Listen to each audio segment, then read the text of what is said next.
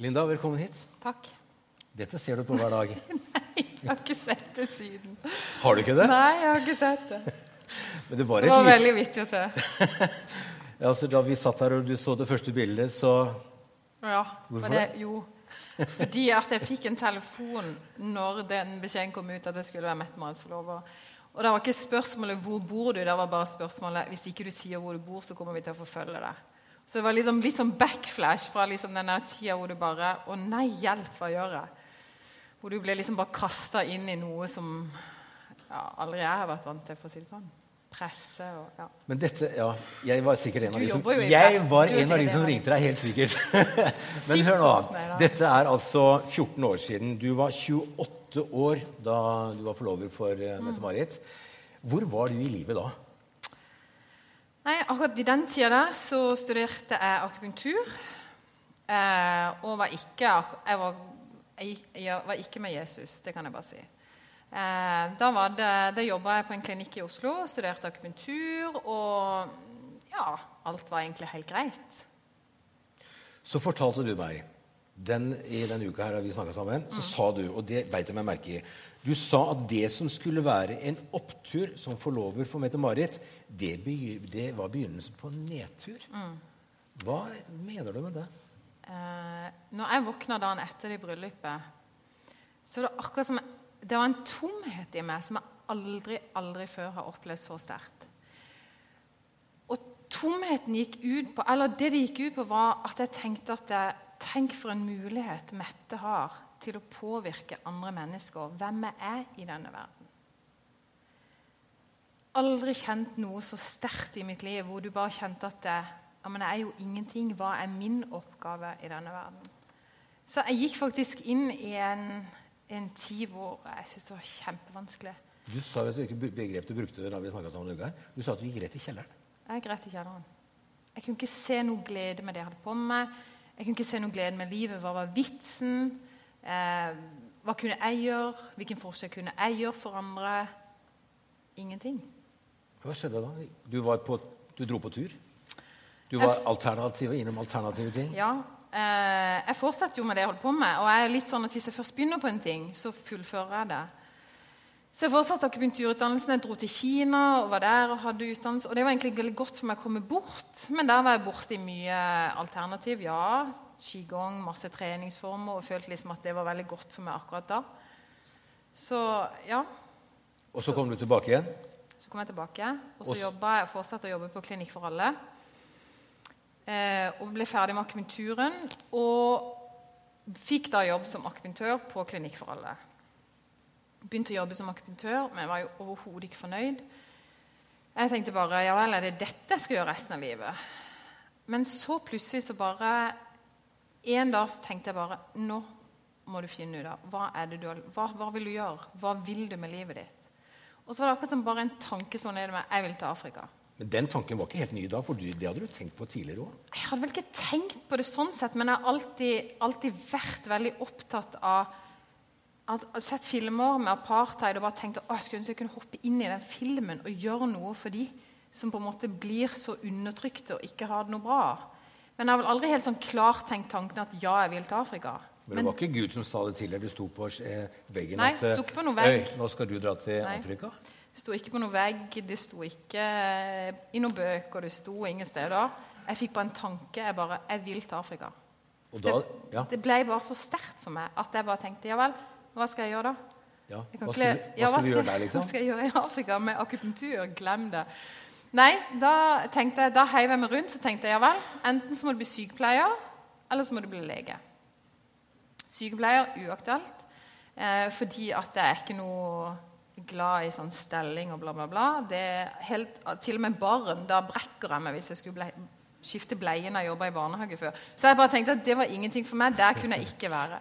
Men jeg kunne studere medisin. Så jeg heiv meg rundt, ringte til Bjørknes og begynte da å ta studiekompetanse som jeg trengte. Og så endte jeg opp i Ungarn. Seks år i Ungarn. Ja. Men hadde du da klart for deg at du skulle bli misjonær Nei. i Jeg Afrika? skulle ikke bli misjonær, jeg skulle bli lege. Men så skjedde det noe. Så skjedde det noe. Det var sånn. Det var sånn. Da møtte du en venninne. Så traff jeg Berit Iversen, som sikkert veldig mange kjenner. Eh, og Berit har jo et eh, brennende ønske om å, at mennesker skal få oppleve Jesus. Um, og det har jo jeg også. Jeg traff Berit, og så sier jeg til Berit ja, Berit, ja, hva gjør du? For de hadde jo jobba sammen da som tidligere. Jeg var jo frisør i mine unge, i mine ungdom. Du, apropos det, ja, jeg har med en saks her. Ja, du gidder ikke klippe meg litt? Jo, jo, jo, selvfølgelig. Jeg kan det. Ja, nå, nå datt den saksa dessverre ned på gulvet. Men, men du, du er altså egentlig frisør, Linda. Ja, jeg var det i forbindelsen. Men Ja, jeg tror til og med du har klippet meg. ja jeg har sikkert det. Jeg tror det. Eh, men hvis jeg sier at jeg skal ha cutting bak og notting foran, Ja, da nei, blir jeg fint. ikke noe vakker. Jeg tror ikke det hadde klart. nei, men, så, ja, men du møtte altså Berit, Nei, som jobba på samme frisørsalong Og vi deg. jobba jo sammen. Ja. Ja. Og så sier jeg til Berit ja, hva gjør du for tida? Nei, hun har blitt så glad i Jesus, svarer hun meg. Og da var det så tenkte jeg, så fantastisk å si noe sånn, tenkte jeg. Eh, For det der med å si at du er kristen, var jo litt sånn før i tida. Det var litt flaut. Så det skulle man helst ikke Det var liksom ikke noe man sa som veldig åpenlyst. Men Berit var yes, hun var blitt så glad i Jesus og hadde begynt noen bibelgrupper om jeg hadde lyst til å være med. Og da var det akkurat som ja. Og der begynte min altså Der begynte et eller annet å skje i meg og min vandring med Jesus. En ny vandring. Ja, hva skjedde egentlig? Nei, altså jeg, jeg på en måte begynte å søke Gud og tenkte at jeg, jeg har jo en gang hatt en tro. Jeg har jo vokst opp i en kristen, med en kristen mor og gått på eh, ungdomsgruppe og alt det. Men jeg har jo aldri hatt et forhold til Jesus. Jeg har alltid liksom, ja, Det var nesten flaut å si at man trodde på Gud. ikke sant? Man sier jo ikke sånt under videre. Nei, du gjør jo ikke det. Men Nei. nå Men nå gjør du det. nå sier jeg det veldig klart og tydelig, for jeg håper virkelig og jeg ønsker hele mitt hjerte at mennesker virkelig skal få oppleve hva det vil si å tro på Gud og kjenne Jesus. For det betød et kraftig vendepunkt i ditt liv det da, da dette skjedde. Det betyr Ja. Og det har bare blitt sterkere og sterkere. Og det som jeg tenker nå, er der at jeg fatter ikke at mennesker kan si nei til noe så fantastisk. Fordi det, det som har skjedd, er vel at, eh, at jeg har fått lov til å bli kjent med Jesus. Ikke for ikke tro at jeg må være sånn eller sånn eller gjøre sånn eller sånn, men virkelig bli kjent med den Jesus som virkelig elsker meg, og som jeg vet at har en perfekt plan for mitt liv. Uten at jeg trenger å streve. Seks års studie i Ungarn for å bli lege. Da ba du en bønn om Mm. Ja. at eh, hvis Da sa jeg til Jesus at hvis dette, hvis, eller til Gud, hvis dette er det du vil jeg skal, så er du nødt til å ta meg gjennom. For det var så tøft. Det var beintøft. Og jeg tror Ungarn er vel et av de stedene hvor det er tøffest å studere medisin. Han tok deg gjennom, Han tok meg gjennom. og så ble det Pemba. Og så, ja, og så ble det Mosambik. Hva visste du om dette på forhånd? Altså, hvem har hørt om Pemba? på en måte? Er ingen utenom at eh, Heidi Baker, som de sikkert mange har hørt om, har en base i Pemba.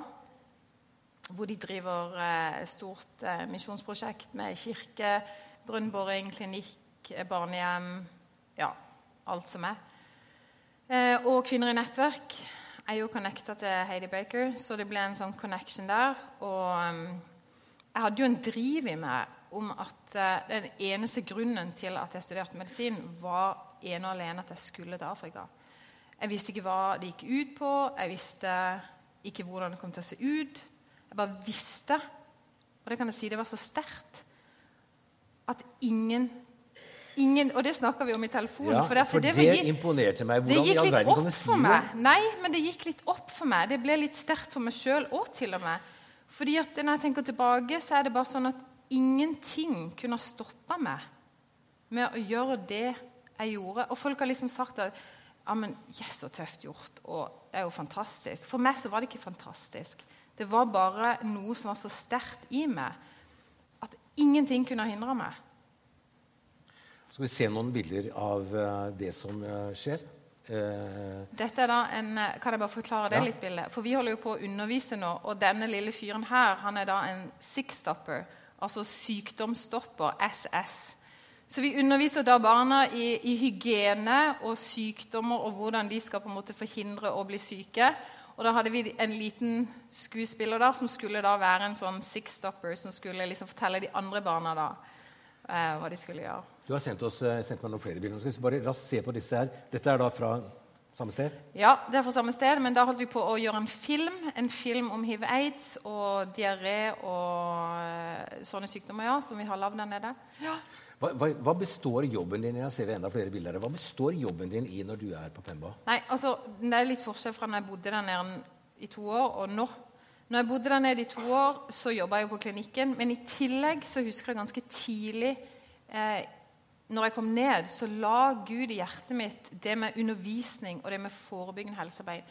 Eh, for meg så blir det sånn at eh, ja, de trenger leger, det er ikke det, men de, det de trenger mest av alt, er at folk forteller dem altså det med hygiene, det med sykdommer, altså hiv-aids, og dette blir veldig sterkt for meg. Og eh, Nå samarbeider jeg med, med noen amerikanere, så vi har egentlig lagd et undervisningsprosjekt hvor vi da underviser i forebyggende helsearbeid, men mest og Jesus. Jeg kunne aldri ha gjort dette uten at jeg hadde visst at eh, Jesus var med. Ja, fordi eh, igjen, eh, du fortalte at eh, eh, du er ikke bare lege der nede. Dvs. Si du er minst lege nesten etter hvert nå. For mm. nå er du mest misjonær. Ja, og det ble jo sånn for meg etter hvert som du får et nær, tettere og nærere forhold til Jesus, så tenker jeg at det er han det er han det dreier seg om. Ikke sant? Altså, det er jo det viktigste av det viktigste. Altså, det er greit, Jeg skal jo også fortelle dem hva de kan gjøre, men hvis ikke jeg kan også gi dem det som på en måte gir liv, som for meg har gitt alt, på en måte, så tenker jeg at da er det ikke noe vits. Da, da kommer jeg så til kort.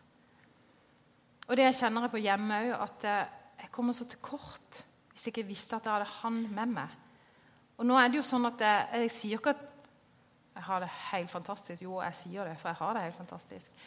Men det er jo ikke det at jeg våkner opp hver dag og tenker 'yes, fantastisk'. Men jeg våkner opp hver dag med en fred.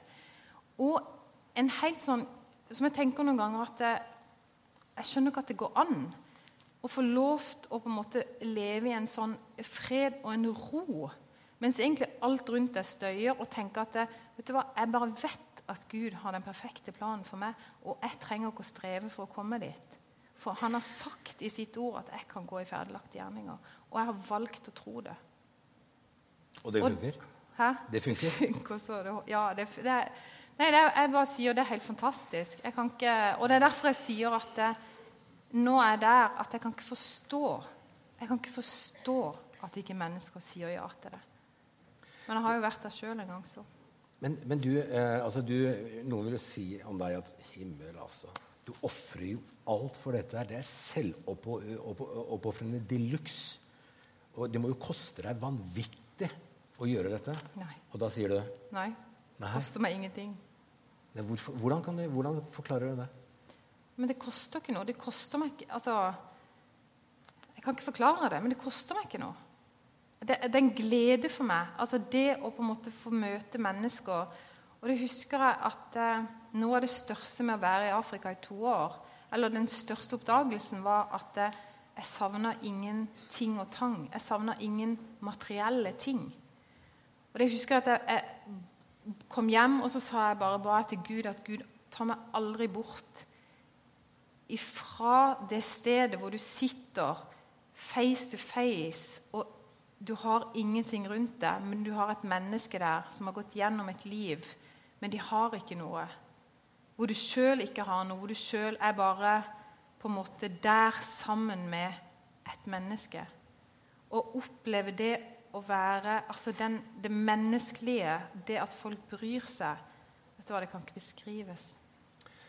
Hvis jeg for 25 eh, år siden hos Anne Margrethes eh, frisørsalong da hadde spurt deg og sagt deg at eh, du kommer til å bli misjonær i Afrika om noen år, hadde du sagt da? Nei, aldri. Aldri. Men nå er drømmen oppfylt? ja. Jeg har aldri drømt om å bli misjonær, men nå er jeg blitt det. Ja, og det er helt fantastisk. Ja, For ja. du legger vekt på misjonær. Det er jo det som er litt ja, interessant. Er veldig, du, legger, du, er misjonær nå? Ja, nå er jeg misjonær. Absolutt. Mer enn jeg er lege. Men Du jobber som fastlege her ute i Sogndal. Du må gjøre det litt ved siden av. Må gjøre det litt ved siden av. Men, du sier at det er bare for å få et lite pusterom og hente litt energi, og så er det, på'n igjen. Ja. Og det er jo For meg Jeg har jo en drøm om å kunne gjøre Afrika mer enn jeg gjør nå. Eh, men jeg vet at også nå så er jeg der jeg skal være, enn så lenge. Og så har Gud en plan, og så tar vi det step by step, eller steg for steg.